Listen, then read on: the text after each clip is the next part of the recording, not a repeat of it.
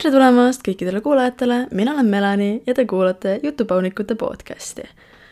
täna on meil palju rääkida, nii et äh, lihtsalt, ma ei tea, alustame kohe sellega. Eelmine nädal tuli selline lühike pooletunnine episood, aga see nädal proovin ikkagi pikemalt rääkida ja ma arvan, et see õnnestub ka, sest et mul on siin kolme märkmepaberi jagu märksõnu teema kohta, millest ma täna hakkan rääkima, mis on siis body positivity ehk siis oma keha aktsepteerimine sellisena, nagu ta on. aga miks seda on nii raske meil teha? sotsiaalmeedia ja Photoshop ja üldse piltide editimine või noh, töötlemine siis.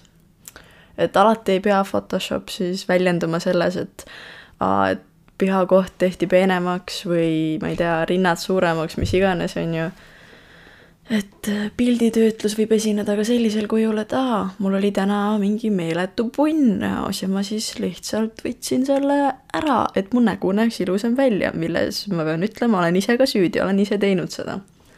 mis on tegelikult nii vale. me ei peaks nagu tundma sellist asja, et sa ei tohi Instagrami pilti postitada, kui sul on punn näos või kui sul on äh, venitusarmid või üldse mõni arm võib-olla, on ju, et siis sa pead selle kõik välja töötlema, sa pead olema täiesti pehme nagu beebipepu, on ju, ja lihtsalt kuidagi, ma ei tea, et sa ei tohi nagu ühtegi ebatäiuslikkust näidata, kui sa oled äh, internetis kuidagi ennast näitad, mis iganes, see ei pesigi olema bikiinipilt, on ju, lihtsalt tavaline pilt, sul ei tohi olla, ma ei tea, ühtegi karvakest näha või ühtegi punni, mitte midagi, meik peab olema täiuslik ja nii edasi ja nii edasi, on ju. aga mida see tegelikult teeb? see tekitab meile vale arusaama sellest, millised inimesed välja näevad või millised inimesed välja peavad nägema võib-olla. et kui kaheteist-kolmeteistaastane noor vaatab näiteks pilte oma eeskujudest kuulsustest ja nad on alati täiuslikult riides, täiusliku figuuriga, neil ei ole kunagi näonahal mingisuguseid ebatäiuseid, mingeid arme, punne, kuivasid osasid või väga õliseid osasid, meik kunagi ei läigi, on ju, näos, noh, nagu õliselt või selliselt, nagu sa higistaksid, eks.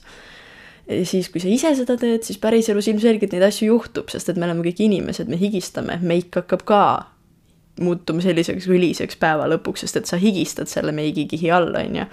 et noh, ilmselgelt sul ei saa olla samasugune meik päev otsa, nagu on ühel inimesel pildi peal, mis võib-olla ta tegi nagu kohe pärast meigi tegemist ja päeva lõpuks tal on ta täpselt samasugune nagu sinul.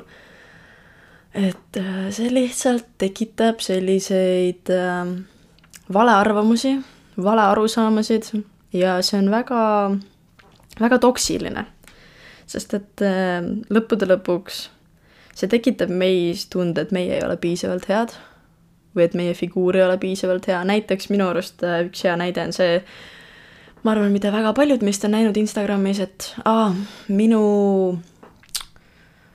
kehakaalu langetamise protsess, et see olin mina kolm kuud tagasi ja see olen mina nüüd. Ja siis üks pilt on tegelikult reaalsuses lihtsalt inimene surub oma kõhu välja ja teisel pildil ta tõmbab kõhu sisse. Ja ta siis näitab ja demonstreerib seda, nagu see oleks äh, kolme kuu erinevus. mis ei ole realistlik.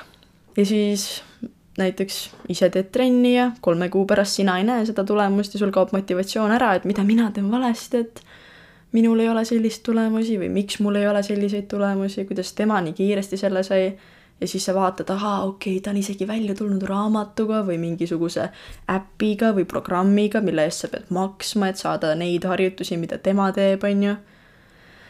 et noh, see ju ilmselgelt tegelikult ei ole nii. et sa kolme kuuga võtad alla nii drastiliselt, sest et kui see oleks nii, siis see oleks väga ebatervislik. no ma ei tea, Kim Kardashian, kes näitas, et selleks, et Met Galal mahtuda Marilyn Monroe ikoonilisse vintage kleiti, ta pidi alla võtma, issand, sixteen pounds, mis see on siis kilodes? ma isegi ei tea, aga noh, ühesõnaga see on päris, päris äh, suur see kaalulangetus ühe nädalaga või mis see oli, kolme nädalaga. igatahes kolme nädalaga ikkagi, see on väga, väga suur kaalukaotus, et tervislik on tegelikult selline üks kuni kaks poundi siis äh, nädalas kaotada või siis ma ei tea, niisugune kaks-kolm kilo nädalas on nagu okei okay kaotada kaalu. kolme nädalaga selline kogus, see on natukene ebatervislik, aga kuna inimesed vaatasid, et ah, Kim Kardashian suutis seda, et sinna kleiti mahtuda, siis äkki mina peaksin ka proovima sellist asja. ei, ei peaks, sest et see on ebatervislik, see mõjutab sinu keha pikaajalisemalt, sa võid tekitada endale väga palju kahjustusi sellise asjaga lihtsalt selleks, et võib-olla sa mõtled, aa, mul on ka mingi üritus tulemas ja ma tahaks panna mingisuguse kleidi selga, on ju. aga tegelikult sa kahjustad ennast pikaajalisemalt, sa mõtled, et okei okay,, jaa, on ju, et ma lihtsalt teen seda praegu ajutiselt, ühe korra, et mahtuda sinna kleiti selle ürituse jaoks, aga tegelikult sa ju keerad oma keha ainevahetuse natukene ikkagi pekki. et äh, su keha kolm nädalat on harjunud, et okei okay,, mingi väga intensiivne dieet ja siis järsku sa hakkad sööma täiesti tavaliselt, siis sa võid võtta väga palju juurde uuesti ja mitte ainult selle, mis sa kaotasid, vaid lisaks veel. sest et kehal on lihtsalt šokk, ta arvas, et ta tükk aega ei saa süüa ja nüüd jälle saab ja siis hakkab väga palju varustama seda toitu, mis ta just sai. mis siis tulemuseks äh, tekitab sulle veel võib-olla nagu suurema figuuri, kui sul enne oli, on ju. et noh, ühesõnaga neid asju ei tohiks niimoodi äh, täiesti puhta tõena võtta ja sotsiaalmeedia kahjuks äh, mõjutab väga palju selles osas, et tekibki see tunne, et mina ei ole piisav, sest et mul ei ole selline figuur, mis on äh, jällegi asi, mida ei saa kuidagi äh, lasta enda pähe. et me ei tohiks oma keha kohelda nagu kiirmoodi, et see tuleb, üks hooaeg on üks moes ja teine hooaeg on juba teine kehatüüp moes, et noh, kui me mõtleme, et keskajal hinnati kõige rohkem sellist äh, plus size või sellist suurt figuuri, sest et see oli äh, näide jõukusest, see näitas, et sul on palju raha, sa jaksad palju äh, süüa osta, sul on äh, rikkusi, kui sa oled natukene ümaram. aga siis äh, hiljem tuli väga palju erinevaid kõhnasid figuure siis vahepeal tuli jälle kurvikamaid, jälle kõhnasid, näiteks üheksakümnendatel oli selline väga-väga peenike, võib-olla isegi selline nagu poisilik kehatüüp moes naistel, et äh, väga väike rinnakorv ja peenikesed jalad, peenikesed käed, täiesti äh, lame kõht, on ju, mitte ühtegi kurvi, see oli moes kehatüüp, mida kõik naised tahtsid. siis tuli moodi see basic Victoria's Secreti modelli, et natukene rohkem kurve, aga endiselt väga-väga peenike, on ju. siis ähm, tuli noh, nagu meil praegu on, on ju, selline Kim Kardashini stiil või selline kehatüüp, et väga peenike pihakoht, aga väga suur rinnakorv või väga suur tagumik, on ju.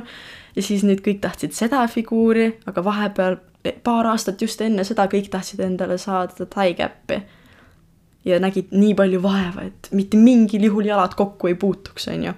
et noh, me kõik oleme sündinud mingisuguse kehatüübiga, see on meil geenides.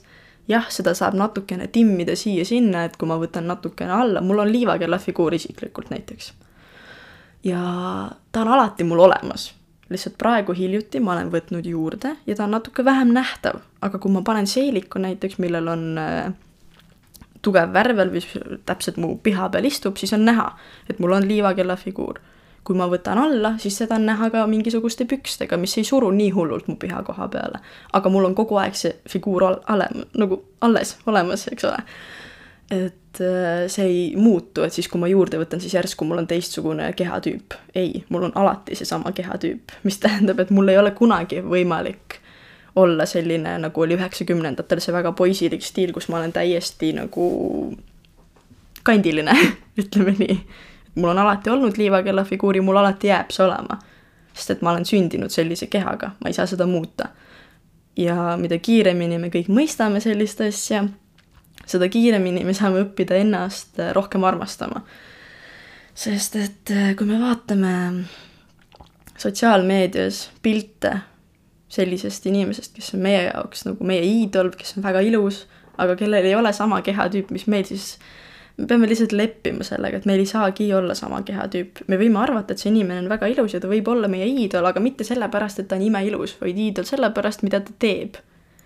mis äh, asju ta saavutanud on elus või äh, missuguse iseloomuga see inimene on. see on see, mille poole me peaksime pürgima, et aa, see inimene on mu iidol, sest et ta on reaalne sweetheart, on ju, et ta on nii imeilus seestpoolt just, et tal on kuldne süda, ta tahab kõigile head, ta, ma ei tea, ei ole kunagi kellelegi midagi halvasti öelnud, mis iganes, on ju.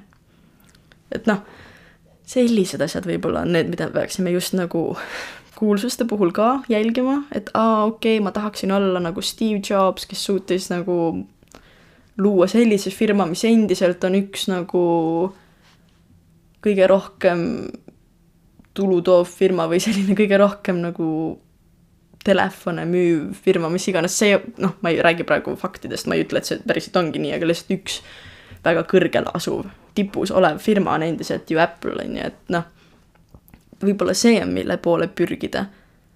nii naistel kui meestel, et mitte, et mees vaatab, et see on mu iidol, et ma tahan täpselt sellist keha nagu temal. et äh, ta on täpselt nii musklis, ma tahan ka selline olla, et äh, ma ei tohi olla selline kõhnem poiss, on ju, või kõhnem mees aga samamoodi lihase kasv on geenides. mõnel tuleb see väga kergelt, mõnel võtab see väga palju rohkem tööd.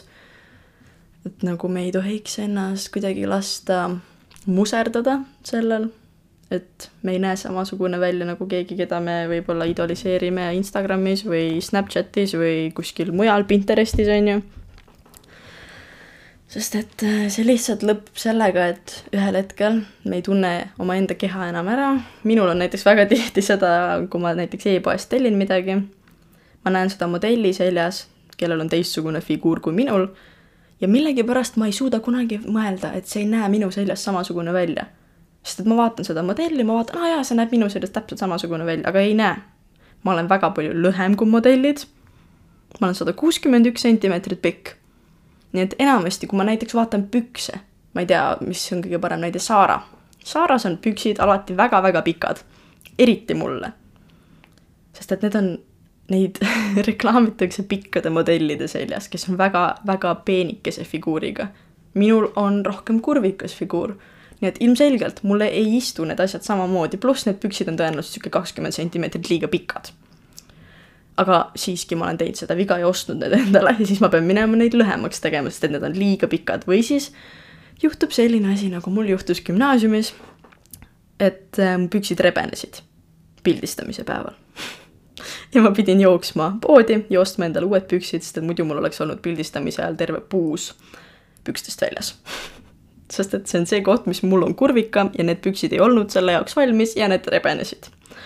nii et äh, me ei saa ma ei saa nagu, ma ei tunne ennast halvasti, sellepärast ma naeran selle üle endiselt, sest et ma ei pannud isegi tähele, ma ei kuulnud seda, kuni rebenemise häält ei olnud üldse kuulda, kuni mu sõbranna ütles, et kuule, et sul püksid katki ja siis ma pidin jooksma kiiresti Postimaja HM-i, sest see oli kõige lähem pood ja ostma endale uued püksid.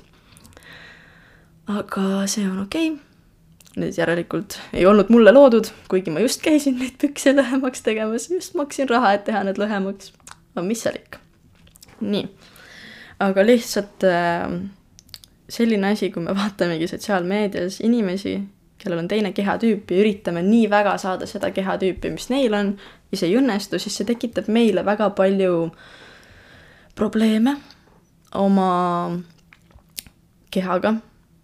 me ei ole sellega rahul, see tekitab meile võib-olla ebamugavust ja ühel hetkel võib juhtuda, et me ei tunne seda enam ära.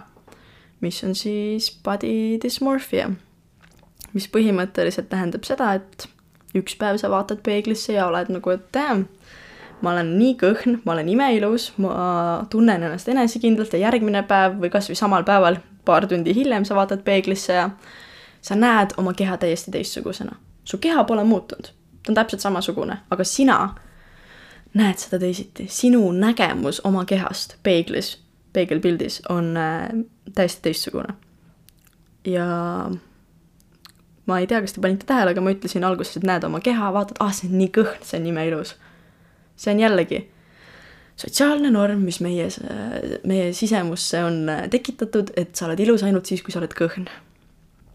see ei ole nii, sest et minu arvates kõik kehad on ilusad ja see võib kõlada nagu väga selline bullshit, et nalja teed või, iga inimene peab kedagi koledaks või kedagi ilusaks. see on hoopis teine asi. see on äh, attraction atraktsioon, kellegi teise vastu tõmme. et jah, ma võin arvata, et keegi on ilusam ja keegi on koledam, aga ma ei arva, et see inimene on kole. ma arvan, et kõik on ilusad, lihtsalt mõni ei ole minu tüüpi. et nagu keda ma ise võib-olla, ma ei tea, kohtingule kutsuda tahaks, on ju, noh, et see on nagu teine asi, see on füüsiline tõmme. aga see ei tähenda, et ma arvan, et see inimene on kole, kui ma ei ole tema poole kuidagi tõmmatud ühesõnaga, body dysmorphia on reaalne probleem väga paljudel, minul kaasa arvatud. mul on mõni päev, kus ma tunnen ennast väga enesekindlalt ja mõni päev, kus ma tunnen ennast väga-väga ebakindlalt omaenda kehas, mis on kogu aeg samasugune. jah, okei okay,, ma ütlesin ennem just, et ma olen natukene juurde võtnud viimasel ajal. see isegi ei ole asi, mis on mind teinud ebakindlaks, sest et äh, riided on mõeldud mulle selga minema, mitte vastupidi, praegu mul on väga palju pükse, mis ei lähe mulle selga, jah, see tekitab mulle vahel halba tunnet. aga ma ei tunne ennast nagu ebakindlalt sellel põhjusel lihtsalt mõni päev on selline, kus sa tunned, et see ei ole lihtsalt minu päev. sa panedki mingisuguse oma sellise mugava riietuse selga, mille sa tunned ennast alati hästi ja lähed. aga sa ei pane võib-olla midagi, milles sa mingil teisel päeval tunneksid ennast nii enesekindlalt, sest see päev lihtsalt ei ole sinu päev. ja sa tunned, et need riided ei sobi sulle sa tunned, et su keha ei ole selline, nagu sa tahaksid, kuigi võib-olla eile sa olid just täiesti vaimustuses, et jess, ma olen saanud oma eesmärgi täidetud, mul on täpselt see keha, milles ma tunnen ennast mugavalt. ja see on mõjutatud või tekitatud sotsiaalmeedia poolt suuresti. sest et sa näed pidevalt kehatüüpe, mis on nagu idoliseeritud, et see on just see, mis on hetkel moes. et kõik need tüdrukud, kes olid hästi sellise sirge ristküliku kehatüübiga. Need tundsid ennast enesekindlalt siis võib-olla, kui see oli moes. ja nüüd, kui tulid kurvid moodi, võib-olla nemad tunnevad end nüüd ebakindlalt, sest et nende kehatüüp pole enam sotsiaalselt selline aktsepteeritav või armastatud kehatüüp, sest et see pole enam moes. kuidas me saame tekitada sellise olukorra, et mingisugune kehatüüp on moes ja mingisugune ei ole? sest et meil ei ole kõigil identne keha, see ei ole võimalik ja nagu ma enne ütlesin, me ei saa muuta seda, nii et kuidas me saame tekitada sellise olukorra. ja selle jaoks me läheme sujuvalt järgmisse teemasse, mis on body positivity ehk siis oma kehaga rahulolek, on ju. mis on äh, asi, mida on hakatud viimasel ajal hästi palju rõhutama, body positivity, et armasta ennast sellisena, nagu sa oled, all bodies are beautiful, ehk siis on ju, et kõik kehad on ilusad. mis jah, on tõsi, aga mina arvan isiklikult, et äh, kogu sellel body positivity liikumisel on väga palju miinuseid. sest et äh, see võib väga ruttu toksiliseks mõju äh,, muutuda. sest et ütleme nii, et meie ühiskond on väga, väga pinnapealne. meid huvitab põhiliselt ainult meie välimus ja me paneme sellele kogu oma tähelepanu, enamasti, väga paljud meist. suur enamus, eks ole. paneb kogu panuse oma välimusse, oma riietusse, meiki, soengusse ja nii edasi ja nii edasi ja nii edasi, on ju. ja miks see muutub toksiliseks, et me ütleme, et kõik kehad on ilusad ja et armasta ennast sellisena, nagu sa oled. sellepärast, et äh, see liikumine surub meid ühte kasti. põhimõtteliselt tekib selline olukord, et sa pead ennast armastama sellisena, nagu sa oled, aga mitte kunagi muutuma. et äh, kui sa armastad ennast sellisena oled, siis miks sa peaksid tahtma muutuda, sa ju ei taha ennast muuta, sest et sa juba armastad ennast. see on see, mida body positivity rõhutab et kui sa oled natukene ümaram, siis armasta ennast sellisena, nagu sa oled ja ära mitte kunagi muutu. ja kui sa muutud, siis sa oled reetnud seda eesmärki. hea näide sellest on näiteks Adele, kes alustas oma karjääri, kui ta sai kuulsaks, ta oli veidi, veidi ümaram ja nüüd ta on võtnud alla ja ta on hoopis teistsuguse välimusega. mõlemal korral, mõlemas olukorras ta oli väga imeilus naine. Aga kui ta võttis alla, siis järsku tulevad igale poole kommentaarid, enam ei räägita tema loomingust, vaid oh my god, Adele võttis alla, ta näeb hoopis teistsugune välja, mis juhtus, miks sa reetsid ennast, sa olid ennem nii palju ilusam või nagu I preferred you the way you were before või I loved you the way you were, on ju.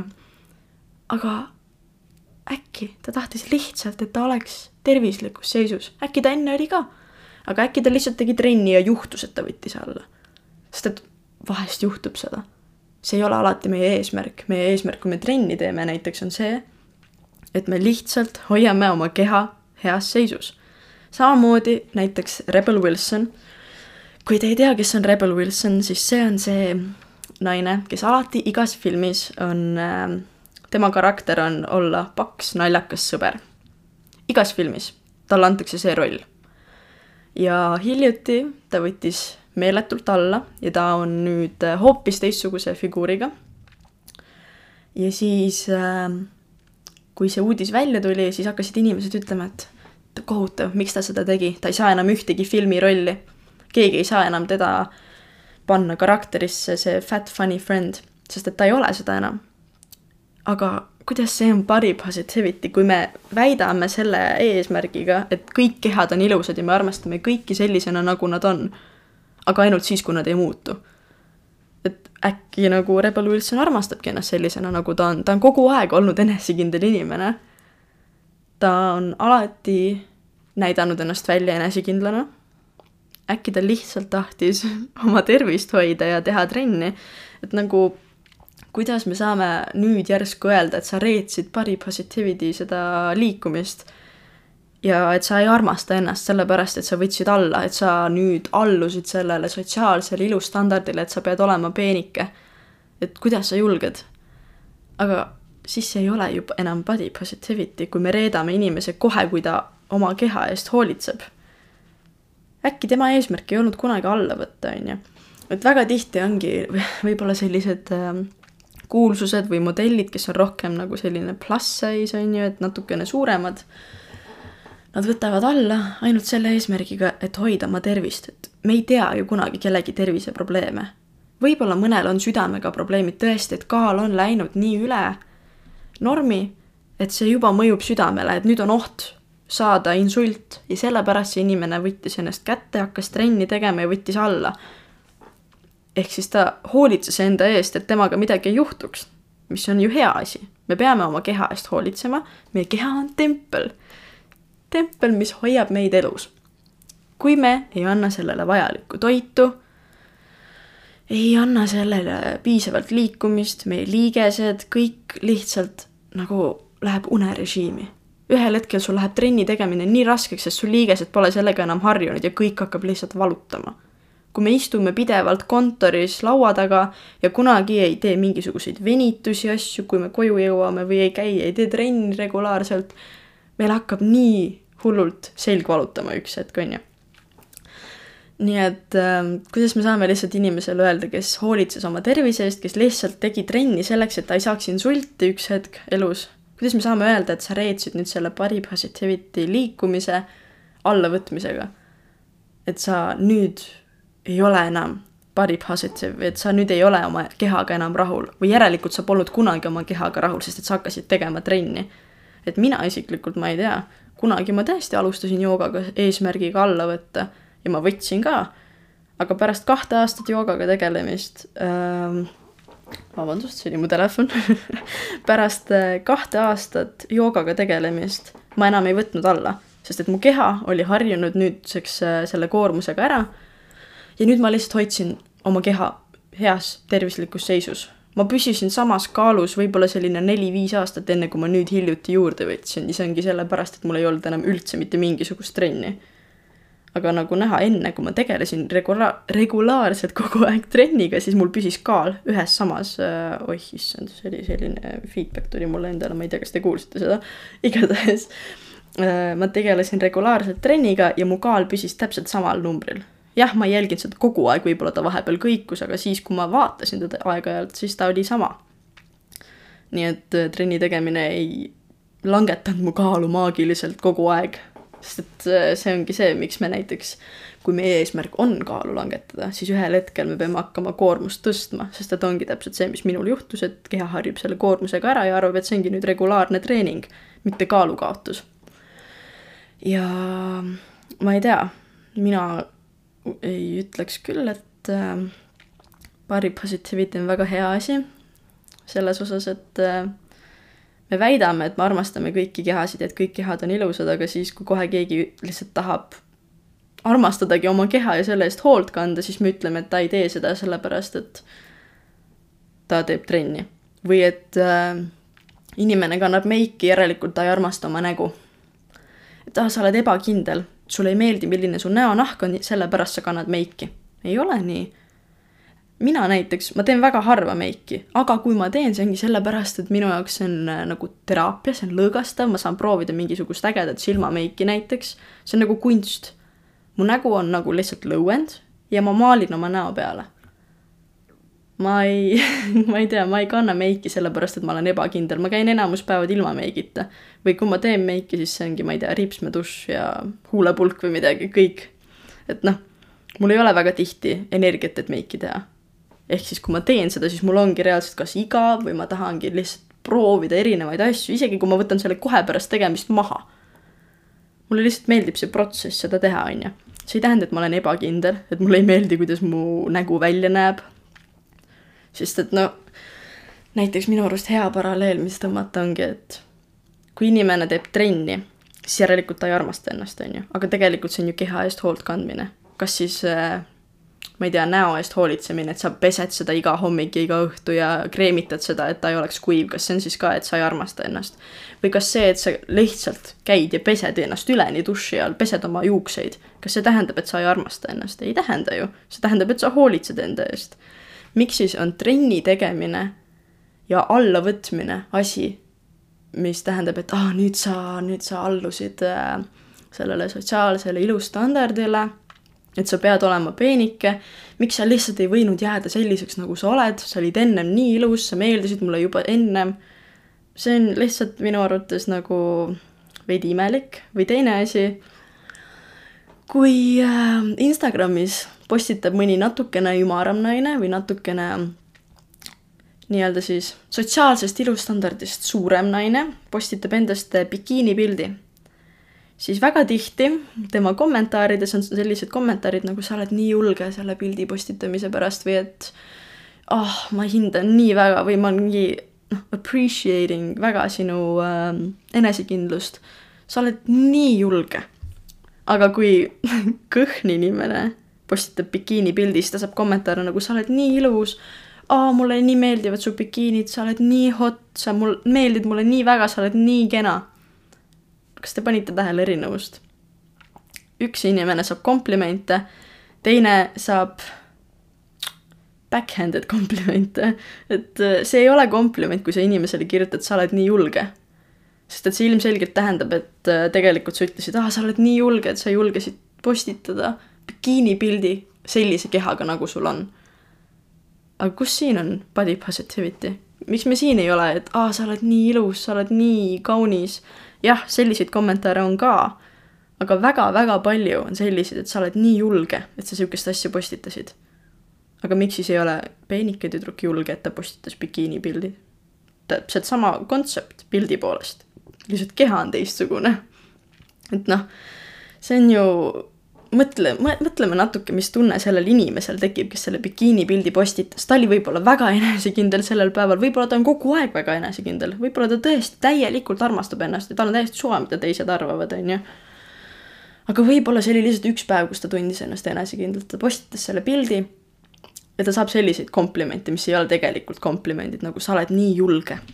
mõtle, mis tunne see inimesele tekib, nagu tek-, mis tunnet see inimesele tekitab et talle lihtsalt öeldakse, et sul, sa oled suhteliselt paks minu arvates. nii et äh, ma ütlen siis, et sa oled julge, et sa suutsid sellise kehaga bikiinipildi postitada. et noh, ma ei tea, see minu arvates ei kõla väga hästi, on ju, et jah, keegi ei pane seda niimoodi kirja, aga see on ju enamasti nende nagu kommentaaride tagamõte, et sa ju ei kirjuta, sa oled nii julge sellise asja kohta. et noh, ma ei tea, minu arvates see on natuke imelik. või näiteks ähm, kui äh, Liso, kes on, nagu me kõik teame, mitte selline sotsiaalse standardi ilustandardi järgi ilus naine, on ju, kuigi minu arvates ta on väga kaunis. aga ta ei vasta sellele sotsiaalsele ilustandardile, sest ta on ka veidi suurem naine, on ju. ja siis ta postitas kas siis oma Instagrami või Tiktoki, kuidas ta tegi nädal aega juice cleanse'i ehk siis äh, jõi erinevaid mahlasid, et äh, puhastada oma keha, on ju, et seda on juice cleanse, selle nimi, nimes on juba sees puhastus, on ju. et see on nagu väike selline detox, et viia kehast kõiksugused äh, pahad ained, bakterid, asjad välja, on ju, ja siis äh, tunned ennast paremini. ja ta sai nii palju selliseid vihakommentaare selle eest, et kuidas sa julged, vaata, mille eest sa seisad, vaata, milline sa välja näed, et on ju, sa ju seisad kõikide teiste paksemate naiste eest. selliseid asju öeldi talle. et sa seisad ju nende eest, sina ju näitad, et me oleme kõik seda väärt, et öö, kuidas sa nagu suudad sihukest asja teha, et miks sa mingit dieeti pead, on ju.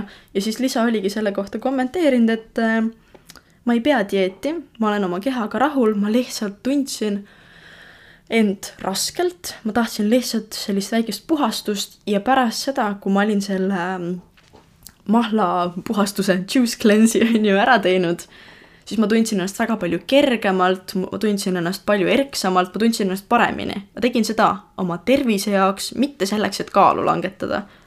ja siis ta ütleski, et aa, ma selle aja jooksul võib-olla langetasin kaks kilo, on ju, et see ei olnud mingisugune meeletu dieet, see oli nädal aega lihtsalt selleks, et puhastada oma keha kõikidest toksiinidest, mis mul kehas olid. et äh, noh, tehniliselt näiteks kohv teeb sarnaseid asju, on ju, aga kohv viib ka kõiki häid asju kehast välja, et see ei ole nagu selline asi, mis toimib, on ju.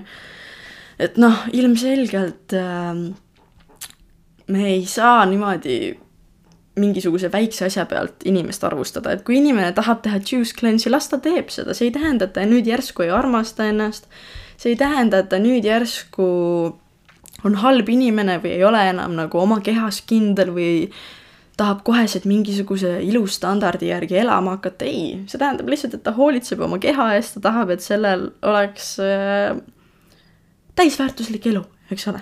et tal endal oleks täisväärtuslik elu, et ta keha oleks heas seisus, et ta vaimne tervis oleks heas seisus, kõik asjad peavad olema nagu timmis, on ju. ja sellest me jõuamegi selleni, et välimus ei võrdu kogu meie väärtus. millest tuleb uus termin, millest mina hiljuti sain alles ise teada, mida ma enne ei teadnud, mis on siis äh, uus liikumine, mis on minu arvates palju tervislikum, palju parem, mille nimi on siis äh, body neutrality ehk siis neutraalsus oma keha suhtes, on ju. ja põhimõtteliselt see liikumine tähendab siis seda, et me mõistame, et kogu meie väärtus ei ole meie välimuses, on ju, et meie väärtus on meie oskused, teadmised, hobid ja huvid. et äh, ma olen palju rohkem väärt kui mu liivakella figuur. minu väärtus on see, et ma olen väga positiivne inimene, et ma suudan teistesse inimestesse su-, äh, süstida sellist äh, enesekindlust ja rõõmu, et kui keegi tunnebki ennast väga halvasti, ma suudan lihtsalt nagu kuidagi nende tuju tõsta, see on üks asi, mida ma enda arvates suudan väga hästi teha ja see on asi, mis näiteks annab mulle väärtust. lisaks see, et mulle meeldib väga maalida ja joonistada, see annab mulle väärtust, mulle meeldib laulda, mulle meeldib väga karaoke, mulle meeldib tantsida, mulle meeldib väga rahvatantsus käia, on ju, need on minu väärtused.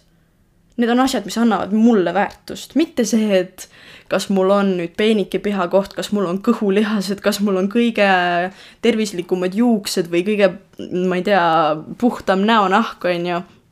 Need ei ole asjad, mis mulle väärtust annavad, sest et need on asjad, mis võivad ajas muutuda. Need on asjad, mida võib aeg minult ära võtta. ühel hetkel ma vananen, mul tekivad kortsud, mis võib-olla mõne jaoks on halb asi, minule näiteks isiklikult meeldivad väga naerukurrud kui ma näen vanematel inimestel, kui nad naeratavad, siis silmade juurde tekivad naerukurrud, on ju, ehk siis niisugused pisikesed kortsud silmanurgas. mida see minu jaoks tähendab, on see, et see inimene on elanud väga õnnelikku elu, et ta on väga suure osa oma elust äh, veetnud naerdes ja naeratades. minu jaoks see tähendab, et tal on olnud väga õnnelik elu sest et tal on need naerukurrud, mitte et need, kellel ei ole naerukurde, et nemad nüüd on väga kurvad elu jooksul olnud, mitte seda, lihtsalt mõne inimese puhul ma kohe, nagu kohe näen seda ja siis õhkub sellist soojust nendelt inimestelt, on ju. et noh, ühesõnaga, välimus ei ole minu väärtus. sest et see on ajas muutuv ja seda on võimalik minult ära võtta. absoluutselt igat moodi, on ju. et ma ei tea, pärast rasedust tekivad venitusarmid või üldse mingi mis iganes armid, on ju, keisrilõikearmid näiteks. Keegi võib öelda, et see võttis minu ilu ära, on ju. et äh, noh, see on asi, mis on ajas muutub, ma ei saa nagu kogu enda väärtust panna ühele asjale ja eriti sellisele asjale, mis on nii kergesti muutuv, on ju. et äh, see lihtsalt, see ei ole tervislik, see ei ole tark, see ei ole lihtsalt mõistlik, on ju. selle asemel mul on võimalik end harida, mul on võimalik õppida uusi keeli, uusi oskusi, käia reisimas, avardada oma silmaringi, tutvuda uute inimestega, õppida uusi hobisid, mul on kõiki selliseid asju võimalik teha, mis nii-öelda siis nagu boost ivad seda minu väärtust et äh, noh, kui ma näiteks ütlen, on ju, et kui sa peaksid näiteks valima inimese, kellega veeta kogu oma elu või isegi me ei pea minema isegi nii dramaatiliseks või nii drastiliseks. Inimene, sa pead valima kiirkohtingul inimese, kellega sa tahad minna järgmisele päris kohtingule, on ju. ja sa räägid kahe naisega või kahe mehega, kuidas iganes sa tahad, on ju, sa räägid kahe inimesega. üks räägib väga-väga kinnise mõttemaailmaga juttu, et äh, tal on ainult üks kindel arvamus, see on tema enda oma, ta pole kunagi viitsinud end kurssi viia kellegi teiste omadega, ta midagi väga teha ei oska, tal mingisuguseid hobisid eriti ei ole, ta istub võib-olla ainult kodus või on ainult sinust sõltuv siis, kui te oleksite suhtes, versus siis inimene, kes on väga palju võib-olla reisinud, lugenud erinevate asjade kohta, oskab mitmeid keeli ja nagu lihtsalt on hästi selline mitmekülgne ja võib-olla oskab sulle pakkuda asju, mis nagu sind arendaksid ja sind paremaks teeksid, samal ajal kui see teine inimene, kui see teine inimene võib-olla hoiaks sind veidi tagasi. sellepärast, et ta ise ei oska väga paljusid asju ja siis võib-olla tõmbaks sind natuke sinna enda tasemele, on ju nagu ma ükskord eelmises või üle-eelmises podcast'is rääkisin, et sa oled see, kellega sa end ümbritsed, on ju. et noh, kumma inimesega sina pigem järgmisele kohtingule läheksid või kumma inimesega sa lihtsalt üleüldiselt rohkem suhelda tahaksid, eks. Äh, mina tean, mis minu valik oleks. aga lihtsalt äh, ongi siis see body neutrality hindab seda, mis on sinu sees, mitte see, milline sa välja näed. ja see tähendabki seda et äh, kui body positivity tähendab seda, et ma armastan oma keha sellisena, nagu see on ja ma ei taha, et ta kunagi muutuks või ma ei luba, et ta kunagi muutuks, siis body neutrality tähendab seda, et ma armastan oma keha sellisena, nagu ta on ja ka siis, kui ta muutub teistsuguseks. sest et see on asi, mis hoiab mind elus. Ma pean teda toitma piisavalt, et ta hoiaks mind elus, et tal oleks energiat, et iga päev toimetusi teha ma pean jooma piisavalt vett, et ta tunneks ennast hästi, ma pean ta eest hoolitsema. sest et see on asi, mis mind viib edasi. on ju? et näiteks äh, body neutrality on selline asi, mis hindab sellist äh, täielikku miinimumi, on ju. et sa peadki mõtlema, et mu keha ei ole ainult välimus, ta ei ole ainult objekt, mida teised peavad imetlema ja vaatama. Ta on asi, mis annab mulle energiat, et näiteks kui minule meeldib joonistada ja maalida, siis äh, minu see mõte minu kehast peakski olema, et miks ma peaksin rääkima oma kehast halba, kui minu keha küljes on näiteks mu käed, mis suudavad teha nii lahedaid joonistusi. see on asi, mida minu keha suudab teha. miks ma peaksin siis seda keha vihkama või seda keha maha tegema, on ju? et ta ei, nagu mu keha väärtus ei ole ka ainult see, et olla ilus ja et teised seda vaataksid. Mu keha väärtus on see, et ma olen võib-olla väga hea jooksja et ma olen väga hea ujuja, et mul on suur kopsumaht näiteks, on ju. et äh, need kõik asjad on asjad ka, mis on nagu mu kehaväärtused, mitte ainult ilu, ainult välimus. et äh, see on asi, mida body neutrality liikumine siis äh, rohkem nagu sisendada üritab, mis ma arvan, et äh, on väga hea, et ma ise sellest hiljuti teada sain ja ma tahtsin lihtsalt seda väga teiega jagada, et äkki see võib-olla aitab mõnda teist, et oma kehaga paremini ära leppida või et äh, selle eest paremini hoolitseda. et kui me teeme trenni, siis see ongi selleks, et hoida oma mootor töös, et hoida ennast tervislikuna, et me saaksime elada täisväärtuslikku elu. Et me saaksime käia reisimas, et me saaksime süüa erinevaid toite, mis meile meeldivad erinevatest kultuuridest et meil oleks seda energiat, et minna ja õppida erinevaid keeli, erinevaid oskusi, käia koolis, käia mingisugustel kursustel, ma ei tea, õppida vibu laskma, õppida joonistama, võib-olla minna kuhugi tantsutrenni, isegi vanas eas. isegi siis, kunagi ei ole liiga hilja. Et äh, ma just nägin hiljuti Tiktoki, kus üks balletitantsija noh, lihtsalt nagu mingisugune tantsuvideo ja siis üks naine kirjutas sinna alla, et oh,, ma nii väga tahtsin noorena balletiga tegeleda, tegelikult ikka tahaks, aga ma olen juba kolmekümnendates ja nüüd on küll liiga hilja. võib-olla, võib-olla tippspordi tasemel on, aga tantsimise mõttes sa kunagi ei ole liiga hilja alustada, kui see, kui sa tunned ise, et see võiks olla asi, mis nagu sulle rõõmu toob.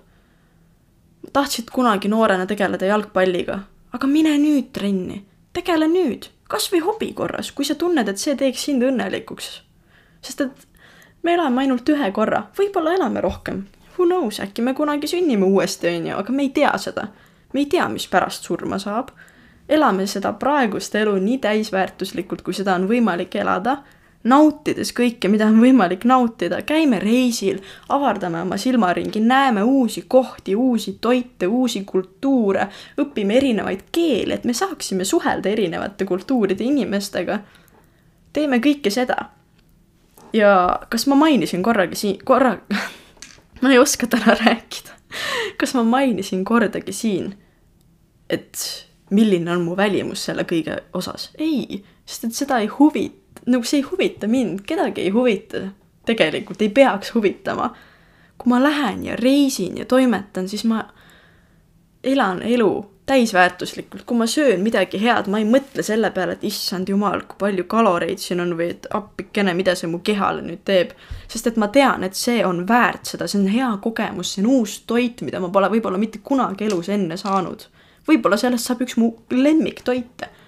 ma tahan seda proovida, aga võib-olla, kui ma oleksin väga väga ebakindel oma kehas ja väga nagu self-conscious ja selline obsessed oma keha ja välimusega, võib-olla ma isegi ei sööks seda, ma ütlekski, et see ei, see on liiga kaloririkas, ma ei saa seda süüa. ja ma jääksin sellest kogemusest ilma. et noh, minu arvates on elus nii palju muud, mida väärtustada, kui on meie keha ja ma ei ütle, et sa peaksid täielikult oma keha unarusse jätma või täielikult, et sa ei tohi nüüd oma kehast hoolida või oma välimusest hoolida, ilmselgelt me kõik hoolime oma välimusest, on ju. ilmselgelt, kui keegi meile väga meeldib, me tahame panna ennast ilusamalt riidesse, et talle muljet avaldada ja nii edasi. ja ma ei ütle kordagi, et see on halb asi, ma ise teen seda samamoodi ilmselgelt, kes ei teeks, ikka sa tahad vahel näha parem välja kui mingitel teistel päevadel, mingisugune äh, ma ei tea, kellelgi on sünnipäev, võib-olla sul endal on sünnipäev ja sa tunned, et aa ah,, täna on minu päev, ma tahaks ennast panna erilisemalt riidesse, siis tee seda, see ei ole halb asi. lihtsalt senikaua, kuni see ei ole ainuke asi, millest sa mõtled. et äh, body neutrality või siis selline oma keha osas neutraalne olek tähendabki seda, et mitte, et sul on ükskõik oma kehast, aga sa lihtsalt aktsepteerid, et see on ilus igas faasis, siis kui sa oled dressipükstes, siis kui sa oled mingisuguses äh, pidulikus ülikonnas või kleidis, siis kui sa kannad meiki, siis kui sa ei kanna meiki, siis kui sa oled juurde võtnud, siis kui sa oled alla võtnud, et see on alati igas olekus ilus. senikaua, kuni sa oled tervislikkuse piires, on ju et äh, mina arvan, et see on nagu palju olulisem kui see, et ma elan elu lõpuni õnnetuna, sest et ma ei suuda kunagi saavutada seda vormi, vormi, mida ma tahan. et näiteks äh, nüüd hetkel, kui ma olen võtnud juurde ja mitte vähe, ma olen võtnud korralikult sihuke võib-olla kümme kilo juurde, on ju, mis on nagu päris korralik muutuseks. ja ma näen aeg-ajalt oma Snapchati flashback'e eelmisest aastast või tähendab üle-eelmisest aastast, üheteistkümnendas, kus ma olin tippvormis, sest et meil oli koroona, mul oli aega kodus tegeleda pilatesega, mis oli meeletu kaloripõletus ja ma olin oma tippvormis. ja ma näen Snapchati flashback'e ja vahel need tekitavad mulle kurva enesetunde, sest et ma ei näe enam selline välja ja siis, kui ma ei saa mõnda oma riietust selga panna, mis mul kunagi selga läks, see tekitab ka natuke kurba tunnet aga samas siis ma alati tuletan meelde, mida ma tol ajal mõtlesin, üheteistkümnendas, kui mul oli see vorm. praegu ma vaatan tagantjärgi, et oh my god, kui ma oleks natuke veel trenni teinud, mul oleks reaalselt six-pack juba olnud, sest et mul oli kõhulihased juba näha. tol hetkel ma vaatasin peeglisse ja mõtlesin, et ma olen nii paks. et ma pean veel alla võtma. ma vaatasin peeglisse ja ma ei näinud seda, mida ma näen nüüd, kui ma olen juurde võtnud ja tean, milline mu keha siis nüüd, näen seda videotest. Nii et äh, põhimõtteliselt see ongi see, et sa võid ükskõik kui palju trenni teha, aga kui sul on see body dysmorphia näiteks juba tekkinud või lihtsalt ebakindluse probleemid, siis sa ei hakka kunagi nägema oma keha sellisena, nagu ta reaalselt on. nii et seda silmas pidades, kas lihtsam ei oleks lihtsalt nagu elu nautida ja mitte mõelda sellest, et mina hetkel jah, vahel tuleb küll mõte, et okei okay,, et ma olen nii palju juurde võtnud, et ma peaks nüüd ennast kätte võtma ja alla võtma. Aga samal ajal teine pool minust mõtleb, et aga ma olen nii palju õnnelikum praegu ma naudin toite, mis mulle maitsevad, isegi kui ma söön neid väga palju, võib-olla ma söön vahepeal, tuleb mingi periood, kus ma söön väga palju pitsat või jäätist või krõpsu või mis iganes, on ju. aga mida ma samal ajal tegin? lisaks sellele, mul oli võib-olla kõige lahedam filmiõhtu mu poisiga või kõige ägedam äh, mingi aja veetmine sõbrannaga, kui me sõime koos kohvikus kooki, on ju, et noh ma ei tea, minu jaoks see on nagu seda rohkem väärt, kui et ma lähen sõbrannaga kohvikusse, tema võtab kooki ja ma istun seal kõrval nagu ei, ma ei tohi, ma ei tohi, ma ei tohi seda süüa, ma olen dieedil, ma ei tohi. see oleks minu jaoks lihtsalt piin. selle asemel ma võtan vabalt, ma võtan ja söön selle koogi, ma tunnen ennast rõõmsalt, me räägime juttu, mul on lõbus ja ma naudin elu.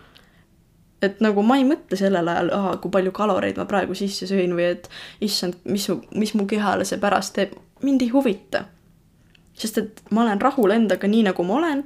kui ma teen uuesti trenni ja võtan alla, see on ka tore. see võib juhtuda.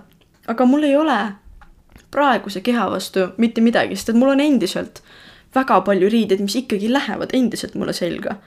väga palju outfit'e, milles ma tunnen ennast väga enesekindlalt, milles ma, ma näen väga hea välja. ja ma võingi nii öelda. see ei ole egoistlik mõtlemine. mul on riideid, milles ma näen hea välja, mis selles halba on? riided ongi mõeldud mulle selga istumiseks, mitte vastupidi, et mina pean mahtuma riietesse, ei, riided peavad mulle selga minema.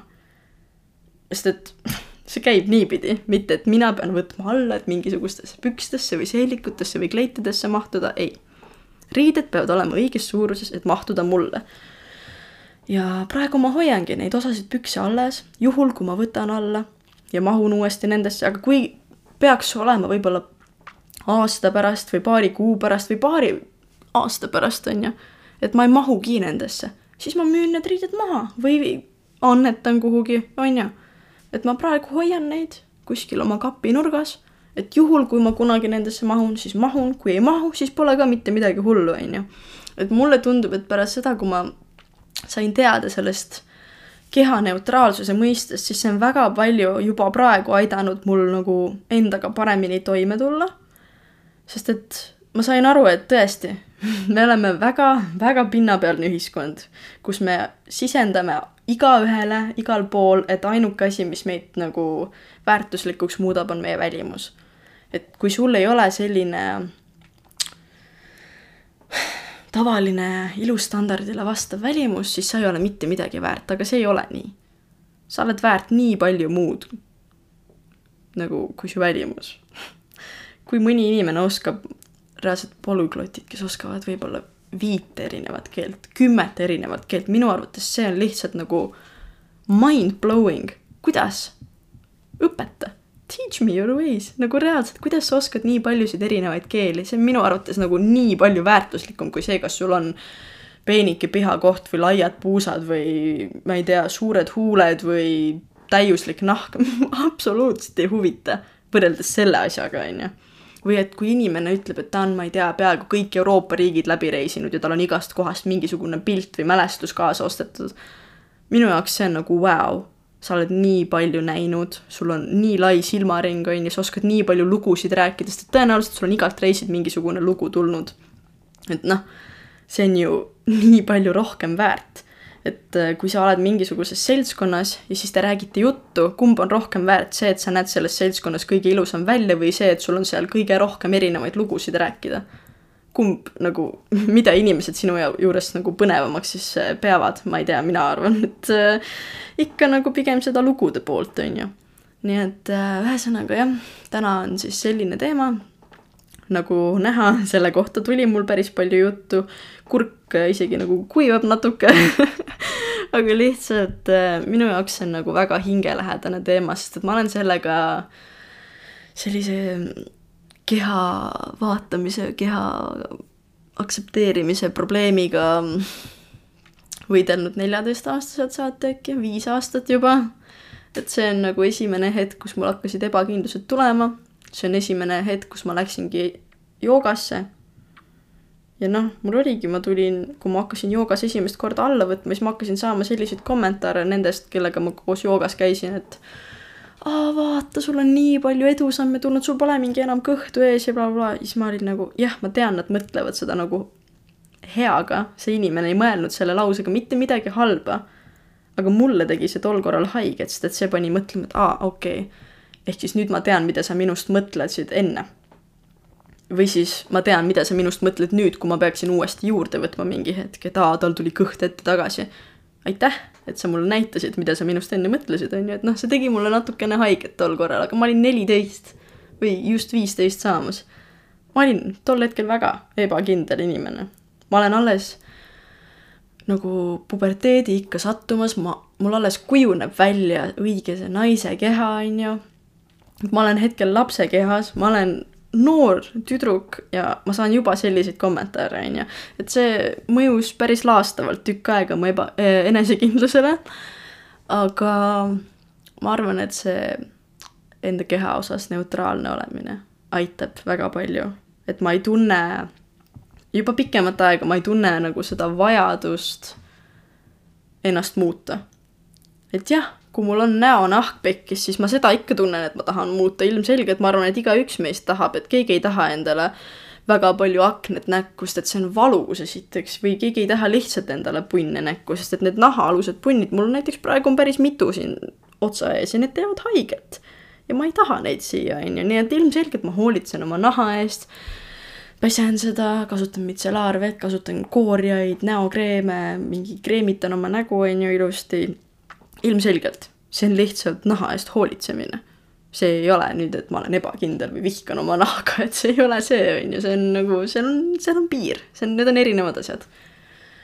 nii et äh, jah, ma loodan lihtsalt, et sellest osast oli kellelegi abi, võib-olla kellegi jaoks oli lihtsalt huvitav kuulamine, võib-olla kedagi ei huvitanud üldse ja ta pani esimese viie minuti peale ära, esimese minuti peale ära, who knows, on ju.